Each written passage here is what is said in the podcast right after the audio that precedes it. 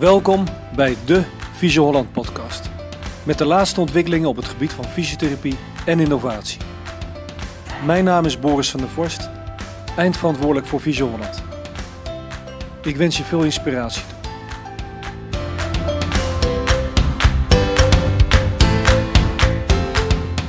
Welkom bij podcast 3. Vandaag nemen wij, Jeroen en Michael, een nieuwe podcast op over fase 2 van de kruisbandrevalidatie.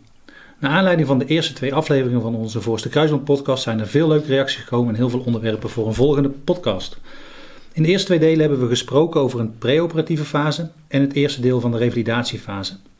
We zijn toen geëindigd met de start om weer te kunnen hardlopen.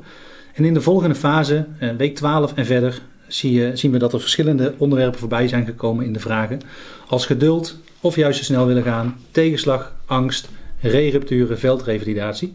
Nou, vandaag gaan we een aantal van deze vragen eh, voorbij laten komen. Fijn dat je er bent, Michael. Dankjewel, leuk om weer te doen. Laten we, uh, laten we beginnen uh, met eigenlijk de opmerking van uh, week 12. Volgens mij ben je er dan nog lang niet. Nee, dat klopt. Eigenlijk sta je dan pas, denk ik, aan het begin. week 12 is natuurlijk ook een leuke fase. er wordt hard getraind inmiddels. De trainingsbelasting gaat omhoog. Maar het is ook het eerste moment dat je ja, getest kan gaan worden. Testen worden vaak gedaan op drie maanden. Soms tegenwoordig ook al op de vier maanden. Dus dat wisselt een beetje per, uh, per praktijk. Maar meestal vind je op drie maanden toch dat ze gaan zeggen: we gaan je plannen voor een eerste testmoment. Al na twaalf weken dus ongeveer. Ja. ja. Ik zeg altijd een soort introductie. Mensen moeten wennen aan wat er gaat komen. Vaak ook wel even spannend. Dus gaan vaak niet, niet voluit. Natuurlijk is de vraag altijd wat je terugkrijgt van de patiënten. Wat gaan we eigenlijk doen? Nou ja, zeg ik altijd om een beetje spanning op te bouwen. Van, dat ga je dan wel merken. Maar uh, vaak geef ik er ook wel een klein beetje, verlicht ik de sluier en uh, geef ik een beetje inzicht in, in wat komt. Dat mensen niet met knikkende knietjes daar voor mijn neus staan.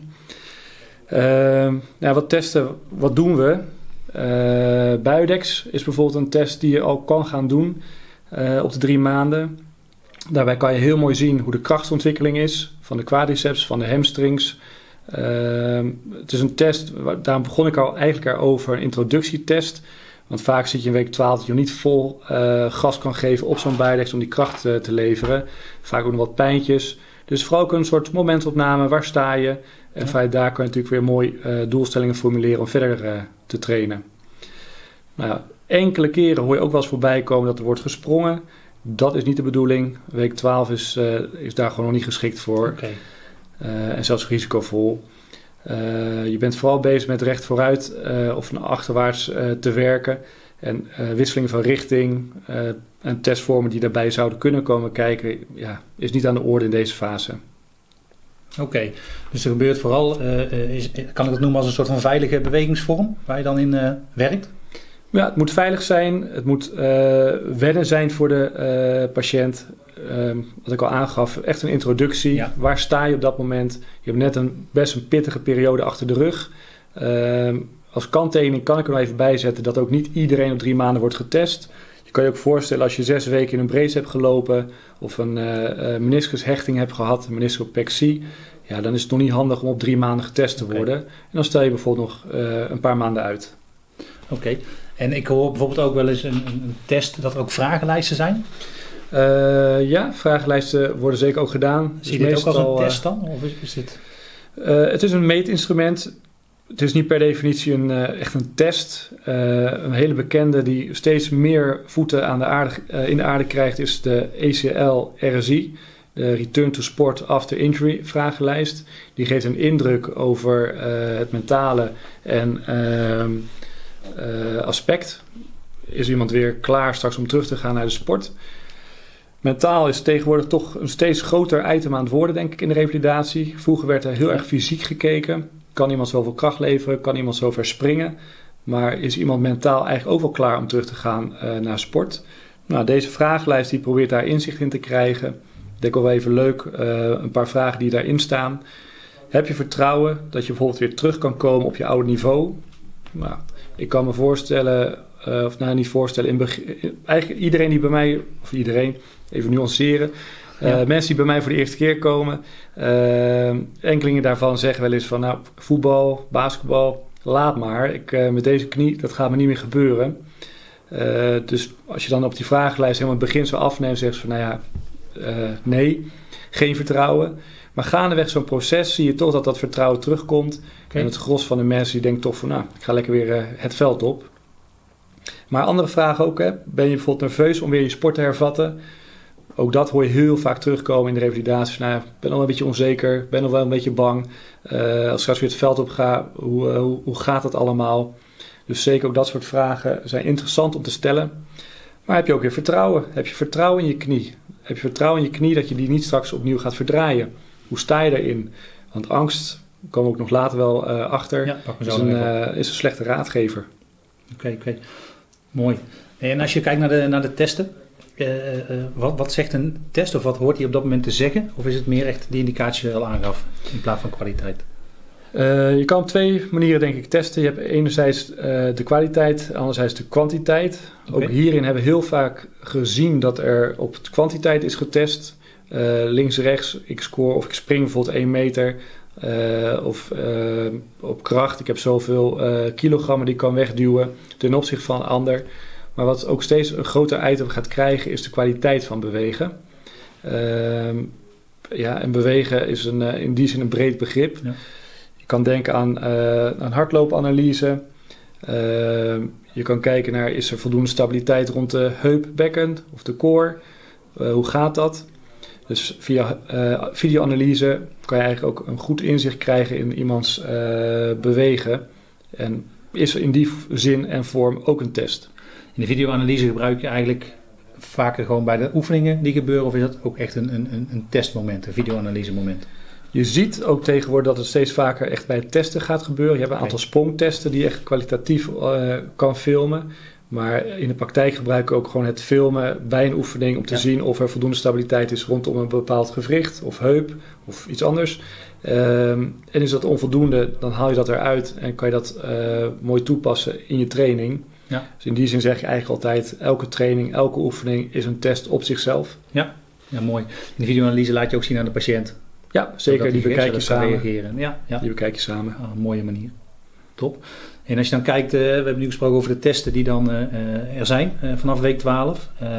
je wil uiteindelijk wil je progressie gaan boeken met de patiënt. De patiënt wil ook progressie gaan boeken. Hoe pak je dit aan op het moment dat je daar een, nou, een vervolgplan in gaat maken? Wat gebeurt daarna, week 12? Ja, goede vraag. Als je kijkt naar week 1 tot week 12, dat is natuurlijk een hele leuke fase eigenlijk waar je in zit. Want elke dag, elke week is wel anders en zit een behoorlijke groei in. Uh, in je revalidatie. Ga je kijken naar week 12, dan hoor je vaak het commentaar toch wel een beetje van het begin wat saaier te worden, wat eentoniger te worden. En dat klopt ook wel. Er moet gewoon kaart getraind gaan worden in deze ja, fase. Ja. Intensiteit moet omhoog, uh, de volume van de training moet omhoog. Uh, je wil terug uiteindelijk naar het sportveld. En daar moet wel wat voor werk voor, uh, voor worden weggezet, zeg maar. Als je het hebt over intensiteit en volume moet omhoog, wat, wat, wat doe je daarmee? Kijk naar de patiënt. Ja, volume. Uh, in het begin ben je over het algemeen een half uurtje bezig met iemand. Uh, doet ze huiswerkoefeningetjes. Ja. Nou, een half uur wordt op een gegeven moment drie kwartier, een uur. En uiteindelijk kan je anderhalf uur, twee uur wel bezig zijn in je revalidatie. Dat is de volume. Ja. de intensiteit gaat met name over de inspanning die je levert. Uh, op een lekpress een 5 kilo in het begin. Dat wordt op een gegeven moment een 20. Uiteindelijk ga je naar de 50 kilo's. Uh, en uiteindelijk ga je springen. Dus de intensiteit van uh, het hard, de hardheid van trainen ja. moet uiteindelijk ook omhoog. Oké. Okay. Oké, okay. en, en, en als fysio zijnde, um, heb je daar nog tips in? Hoe kan je die variatie, of hoe kun je dat erin brengen? Want anders is het een continu herhalen van hetzelfde. Dat vindt de patiënt niet leuk, denk ik. nee, zeker niet. Dan komen langzaam de klachten. Uh, variatie is denk ik het allerbelangrijkste in revalidatie. Eén, om de patiënt het naar zijn zin te maken. En twee, nog veel belangrijker, het lichaam moet elke keer weer opnieuw getriggerd worden, gestimuleerd worden om beter te worden. Ja. En wanneer wordt hij beter? Door gevarieerd en uh, gericht te trainen. En uh, variatie is daar denk ik key in. Uh, het maakt het enerzijds al leuk, uh, daagt mensen uit en zorgt dat je op die manier naar een hoger niveau kan komen. En variatie is natuurlijk een, ook weer een begrip wat denk ik van ja, wat valt er allemaal onder? Moet ik dan allemaal duizenden oefeningetjes uh, gaan verzinnen? Dat denk ik niet. Een variatie kan al zijn in een uh, squat met een stok boven je hoofd, een squat met een stok op je schouders, een squat met een klein gewichtje voor je, uh, voor je borst. Kleine variaties zijn al uh, ver veranderingen in je training. En dan is voor een patiënt alweer denkt, oh, even nieuw, even wennen, even weer wat anders. Ja, dus het hoeft niet zo complex al te zijn als dat je zou denken. Maar die kleine wisselingen van oefeningetjes maakt het ja, leuk. En ook voor het lichaam een uitdaging om elke keer weer uh, te verbeteren en sterker te worden. En beter in bewegen te worden vooral. Ja, ja. want uh, terugkomen erop uh, de drie maanden die we nu een klein beetje willen gaan bespreken uiteraard, die we aan het doen zijn nu. waar wil je naartoe in, in die periode? Is dat te zeggen voor een patiënt of is dat een heel moeilijk stukje qua doel?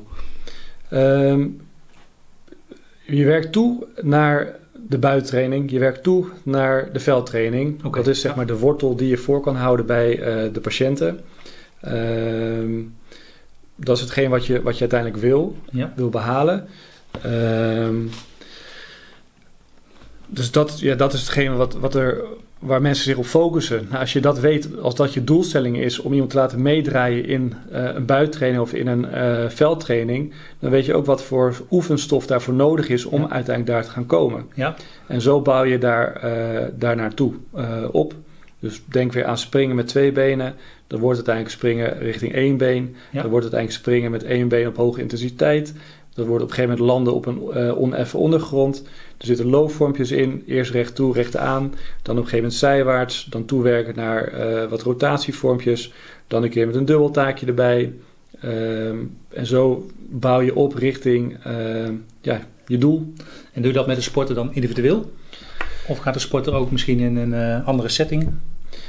Zoals ik al ja. eigenlijk aangaf, variatie is belangrijk, maar groepjes zijn ook heel erg belangrijk. Ja. Mensen uh, sport verbroederd, zeg ik altijd maar. Okay. Ik zie ook echt vriendschappen soms ontstaan uh, binnen zo'n uh, zo'n groepje.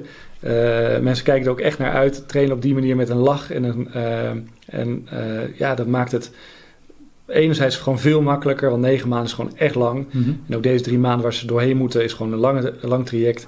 Doe je dat met elkaar, ja, de mensen die, die stromen daar gewoon wat makkelijker doorheen. Groepjes is natuurlijk wel van ze moeten wel een uh, bepaald niveau zijn. Uh, je kan ze ook wel echt kijken van klikt het een beetje. Dus het sociale aspect daarin is wel echt belangrijk. Um, en het voordeel is, je hebt wat meer tijd als fysio zijnde om uh, wat gerichter met zo'n groepje te trainen. Anders heb je misschien maar een half uur om een specifieke oefeningen te doen. En met een klein groepje heb je een uur, soms wel anderhalf uur de tijd om met ze echt aan het werk te gaan. En dan kan je gericht echt met ze trainen. Ja, mooi. En als je het hebt over een groepje, uh, hoeveel mensen, uh, hoe groot bestaat, is zo'n groep?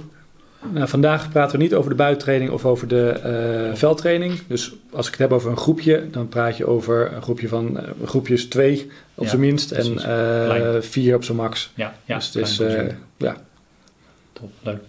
Nou, mooi om te horen. En als je dan kijkt naar uh, uh, de, de, de, setting van de groepjes, uh, zijn er, kunnen ze ook al duo-combinaties maken met oefeningen? Of is het dan nog steeds wel individueel kijkend wat die persoon doet?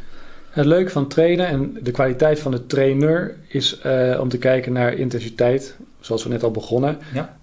elke oefening kan je op een bepaalde intensiteit natuurlijk doen. je kan heel snel, heel zwaar trainen, maar je kan ook zeggen dat je een tweetal bijvoorbeeld volgen of reageren op elkaar op een hele lage intensiteit met een klein gewichtje doet. Bal overgooien, uh, Bal overgooien, vangen. ja. uh, een loopvormpje zijwaarts, voorwaarts, achterwaarts, waarbij ze moeten volgen. Dat kan je natuurlijk in het eind van die drie maanden op hoge snelheid doen, sprinten. Maar in het begin kan je dat uh, bewijs van met een elastiekje om de enkels ja. uh, trainen. Ja. Ja. ja. top. Ja, mooi. Um, en wat je, wat je uh, ziet inderdaad met het, het, trainen van, van, uh, ja, van de benen, van de knieën. Heb je daar nog tips in? Of zijn daar nog dingen die uh, do's en don'ts? Ik hoor het wel eens voorbij komen. En helaas vaker dan ik zou willen. De focus over het algemeen van de meeste therapeuten is het geopereerde been. Dat been moet sterker worden. helaas, we gaan vandaag ook niet over de re-rupturen of verderop in. Maar helaas zie je natuurlijk ook dat de andere zijde at risk is voor opnieuw een letsel. Dus waarom niet stilstaan ook bij het andere been? Ja. Dus bij mij is het altijd beide benen volle bak trainen vanaf het begin af aan uh, gericht. En uiteindelijk behandel je niet een knie. Het gaat om het hele lichaam. Je moet zorgen dat het hele lichaam, de buikspieren, de rugspieren, uh, de heupbeelspieren, En ook uiteindelijk de kuiten. Alles moet uiteindelijk gewoon sterk worden. Ja. Want de knie is maar een onderdeel van een hele bewegingsketen. Ja. Dus train het hele lichaam. Dat is denk ik wel eh, ook weer key in de revalidatie. Helder, helder. Nou, uiteindelijk merk je natuurlijk, tenminste dat is vanuit FC Kruisband de vraag die ik vaak krijg van patiënten. Duurt, het is een lang traject, duurt even. Hoe kan je dat op zo'n goed mogelijke manier managen of meenemen voor de, voor de patiënt? Deze, nou nogmaals drie maanden, plus de eerste twaalf weken die we gehad hebben. Eh, bereid mensen voor. Ik geef vaak ook al aan, hè, drie maanden heb je gehad. Vanaf week 12 zo ongeveer eh, kom je in een fase waarbij nogmaals intensiteit, volume, eh, opbouw belangrijk is eh, en voorop staat. Dus bereid mensen ook al voor wat er eh, gaat komen, zodat ze niet in één keer verrast zijn van nou, dat valt me even tegen, ik, er komt niks of er verandert weinig. Een stukje verwachtingen bespreken. Verwachtingsmanagement toekomst. Ja, ja. is daarin heel erg, denk ik, relevant. Ja. Maar ook doelstellingen. Formuleer de doelstellingen. Weet waar ze naartoe werken. Geef bijvoorbeeld aan, springen. We beginnen met een lage bok om op te springen, of plio-box tegenwoordig. En eh, die langzaam wordt die hoger en hoger en hoger. Nou, ik kan aangeven, hè, over twee weken wil ik dat je deze haalt. En over vier weken wil ik dat je hierop kan springen. Eh, maar ook hardlopen. Vandaag lopen we vijf keer één minuut, interval. En eh, over twee weken verwacht ik in ieder geval van dat je vijf keer eh, twee of vijf keer drie minuten Ja. hard loopt. En als je dan vijf keer drie, vijf keer vier minuten kan, dan mag je ook een keertje buiten gaan rennen. Nou, dan weten mensen heel gericht waar ze naartoe werken. Eh, en in een latere eh, periode kan je zeggen van nou, als je nu dit en dit kan, eh, je kan springen op één been, je kan voldoende minuten hardlopen, ook buiten, dan kan je langzaam richting de buitentraining. En dan gaat de buitentraining goed, dan kan je eventueel de stap maken naar de veldtraining. Ja, mooi. Kleine successen vieren met elkaar. Absoluut, heel belangrijk. Top. En als je, ja, voor, voor, voor jullie als fysio is het vaak wel inzichtelijk wat je aan het doen bent. Eh, is het altijd makkelijk om het aan de patiënt te overtuigen wat je aan het doen bent dat het nut heeft? Nou, het voordeel van de revalidatie is dat je mensen over het algemeen vaak ziet. Dus je hebt veel contact met de Ja. mensen.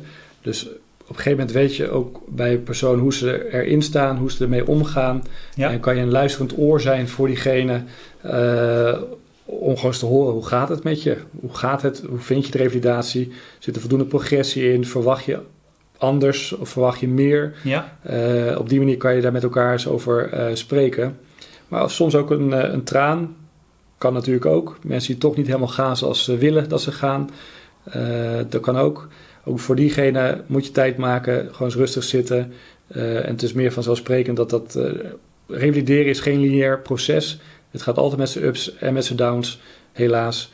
En eh, ja, dan voor diegene moet je gewoon klaarstaan. ja, en je moet ook wel met, eh, met de patiënt mee kunnen eh, bewegen. Ja. Vanaf dat je uit elkaar gaat bewegen. Ja, Ja. oké. Dus een protocol is maar een protocol. Mhm. En aan jou als therapeut, laat ik anders stellen, bij mij in de revalidatie, niemand loopt volgens het protocol. Mensen lopen voorop, mensen lopen een beetje achter. Er zit zoveel variatie in, dus in het protocol kan je niemand letterlijk vangen. Ja. Dus je moet inderdaad mee bewegen met wat de patiënt eh, nodig heeft. Ja, ja. En, en eh, hebben ze het ook wel eens over pijntjes? Genoeg. Pijntjes. eh, ik zeg daarop altijd: pijntjes horen erbij. Als je hard traint, hoort er ook gewoon pijn te zijn. En jij als therapeut moet gewoon kunnen inschatten van... is het oké, is het niet oké, is het een normale pijn of, of kan je door? Dus voor jezelf heb je daar je parameters en je fysiotherapeutische skills Ja. om daar, daarop in te spelen. Maar ja, pijn hoort er gewoon bij. Oké, oké. Top. Nou, je zei net al van, eh, je, je, je eh, behandelt eigenlijk niet de knie, eh, maar je behandelt de persoon. Dat hoor ik je sowieso al heel vaak noemen. Eh, personen hebben verwachtingen. Je doet aan verwachtingsmanagement. Ehm, nou, het wil nog wel eens zo zijn dat uiteindelijk de verwachtingen niet altijd haalbaar zijn of niet altijd uitkomen. Bijvoorbeeld wat ik nog wel eens heb is dat ik revalideer samen met een, ja, wordt dan een vriendje, zoals je al zei, een maatje. We zitten allebei week 16 en we hebben allebei eh, een heel ander programma op dit moment. Ehm, wat, wat herken je dit en wat doe jij daarmee? Zeker. Eigenlijk voortborduurd wat ik net zei. eh, niemand is in een protocol te vangen. En iedereen loopt zijn eigen eh, tijdslijn door. Iedereen doorloopt zijn eigen revalidatie. En ook als ik merk dat mensen heel erg op andere mensen aan het letten zijn. Dat gebeurt regelmatig. Met groepjes natuurlijk. Ook in groepjes. Maar ook van, eh, hey, die liep op krukken na mij. En Ja. ik loop nog steeds een beetje te manken. En die zit inmiddels alweer te springen. Hoe kan dat? Uh, nogmaals, revalideren is, individualiseren, is individualiseren van, uh, van je revalidatie. Je hebt met individuen te maken. Ja. En iedereen heeft daar zijn eigen, eigen tempo in. Het verschil daarbij is ook nog eens topsport, de prof of de amateursporter. De topsport heeft alle tijd om, uh, om zijn leven om die revalidatie te bouwen. en voor de, daarop, ja. die focus zeker. En de prof al helemaal. Die staat 100% dag in dag uit met zijn revalidatie bezig. Maar de amateursporter, waar we het denk ik het meeste over praten en ook het meeste zien, uh, ja, dat zijn gewoon de mensen zoals jij en ik. Die uh, vallen ook wel eens van een fiets, die vallen ook wel eens van een trap. Uh, die hebben ook eens een keer een slechte dag, maar die zijn ook gewoon aan het werk. Die hebben ook gewoon hun school. En die hebben ook gewoon hun vriendjes en vriendinnetjes en uh, een feestje af en toe hier of feestje af en toe daar. En ja, dat soort variabelen beïnvloeden allemaal je revalidatie. En ook je geschiedenis. Hè, ben je altijd bezig geweest met sport? Je ziet soms ook mensen die totaal niet hebben of nooit hebben gesport, die in één keer worden geopereerd. Die staan in één keer heel anders in zo'n revalidatie als mensen die gewend zijn om heel veel te bewegen. En al deze variabelen, ja, die maken uiteindelijk wel uit hoe, uh, hoe zo'n revalidatie verloopt. Ja, en op welk uh, puntje in welke week je bent, als het ware. Oké. Ja.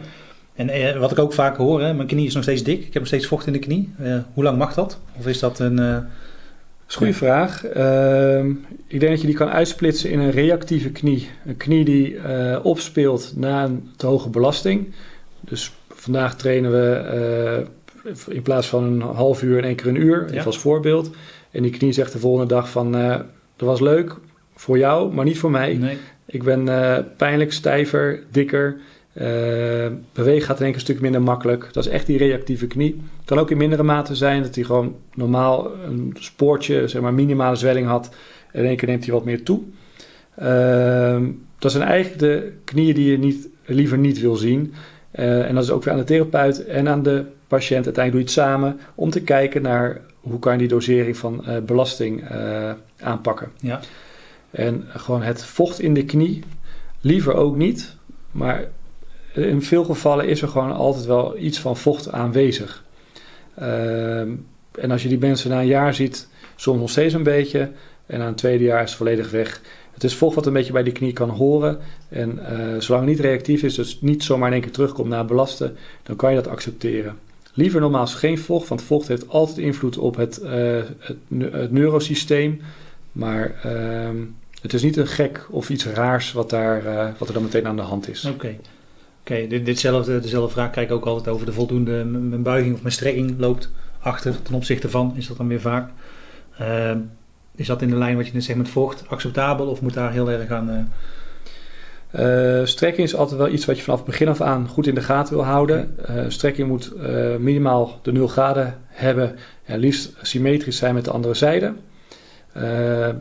lukt niet altijd, dus dat is iets om scherp en goed in de gaten te houden is daar dan een reden voor? Het kan soms zijn verkeerd toch spiergebruik. En soms zie je ook wat littekenweefselvorming ontstaan, waardoor een strekking niet helemaal goed verloopt. Maar het kan soms ook zijn een soort, ja, ik noem het altijd slechte gewoonte of bad habit. Mhm. Iemand die altijd als hij staat met een gebogen been staat, niet op zijn been echt rust, maar altijd op zijn andere been gaat staan. dus een slechte gewoonte. Dus daar spoor ik mensen ook echt op aan van let op, als je staat, rechtop, strekken, stimuleer dat. Hetzelfde geldt voor de buiging. Uh, over het algemeen komt de buiging vanzelf al terug. Heb je mensen die toch wat daarin achterblijven, ja, dan kan je er wat extra op focussen. Om dat uh, ja, te optimaliseren. Ja, ja. Nou, en als laatste wat ik nog vaak binnenkrijg als een soort van tegenslag is eigenlijk het restinstabiliteit. Ehm, kan je daar wat over vertellen? Want er zit volgens mij ook wat variabelen in. Ja, restinstabiliteit is natuurlijk een vrij breed begrip. twee botten die op elkaar staan waarbij geen breuk is in het bot. Dus een plateaufactuur is een stabiel, twee, stabiel gewricht, zeg maar. Daarvoor heb je ook banden nodig. De banden zijn heel of gescheurd. Een gescheurde band geeft een instabiele knie. Uh, een kruisband die je mist is een instabiele knie. Mm Hoeft niet altijd, maar kan ertoe leiden. Uh, en verder heb je natuurlijk het neuromusculaire spiersysteem. Nou, ben je in de revalidatie bezig, dan kan je natuurlijk vanuit gaan, de botten zijn prima, dus niks mis mee. De band, nou ja, die is geopereerd, die is nieuw, daar gaan we vanuit dat die goed is. En uh, het neuromusculaire controlesysteem, spiersysteem, ja, die is nog bij lange na niet op orde. Dat is hetgeen waar je nog hard op aan het werk bent. En dat geeft soms nog wel het gevoel van, er is nog wel iets van instabiliteit in die knie aanwezig. Ja. Nou ja, die knie, die kruisband die nieuw is, die wordt ook gecheckt uh, in die drie, drie maanden test. Uh, of anders wel op de zes maanden. Dus op een gegeven moment krijg je natuurlijk ook wel een indruk van hoe is die kruisband zelf. Je komt helaas nog wel eens tegen dat die kruisband toch wel ietsje lakser is geworden in de tijd. Nou dan kan dat ook wel eens resulteren in toch een iets toegenomen instabiliteit van die knie. Nou ja, als dat wordt waargenomen, kan dat worden besproken met de orthopeed. En die kan dan eventueel in een tweede sessie daar toch nog een keer in gesprek eventueel wat mee doen. Nou, mooi, mooi om even te horen, die uitleg. En ik denk dat er veel tips alweer gegeven zijn in, in deze fases. Uh, is er nog iets wat je nog wil aanvullen in deze opbouw? Uh, ja, ik denk dat het prettig is en ook goed is uh, om te doen, maar ook wel om te weten. Mensen staan er meestal niet echt bewust van. Als je in de praktijk revalideert waarbij meerdere kruisbanden worden gerevalideerd, dan heb je mensen die altijd wel op dezelfde tijd zitten als jij in revalidatie, bij wijze van allemaal week 12. Nou, dan kan je eens vragen aan je buurman: hey, hoe gaat het bij jou en hoe is het bij jou? Mm Dan zal je horen dat er over het algemeen best wel uh, eenlijnig over bepaalde dingen wordt geklaagd, maar ook over dingen positief wordt gesproken. Uh, en als je over dingetjes klaagt, dan kan je ook eens vragen aan diegene die al op maand 6 zit: hoe was het bij jou toen je op week 12 zat? Nou, dan hoor je vaak toch ook geruststellend van ja, dat herken ik ook wel. Ik had toen ook wel klikjes en een kraakje en een dit en een datje. Ja.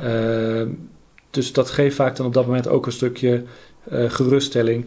Dus vandaar, het is prettig om in een praktijk te revalideren waarbij je zowel horizontaal als ook in de verticale lijn uh, mensen kan aanspreken over ja, hoe de revalidatie verloopt. Mooi. En dat, even voor de patiënt, de horizontale lijn? Horizontaal is dus mensen die op dezelfde week zitten als jij, ja. of dezelfde maand. En de verticale lijn is dus iemand die wat verder is in, in zijn revalidatie. Helder, helder. Nou, top. Ik heb nog twee uh, vragen die ik je wil stellen, die vanuit de luisteraars en de mensen die mij benaderen vanuit FC Kruisband vaak voorkomen in deze fase. Ehm, bijvoorbeeld, is een brace zinvol tijdens het sporten? Hoe is daar in jouw gedachte? Een brace kan zeker zinvol zijn, maar dan wel met het oog op een aantal punten. Okay. Uh, voornamelijk de zijwaartse instabiliteit is door een brace uh, redelijk goed uh, te stabiliseren. Het hangt natuurlijk wel even af van het type brace.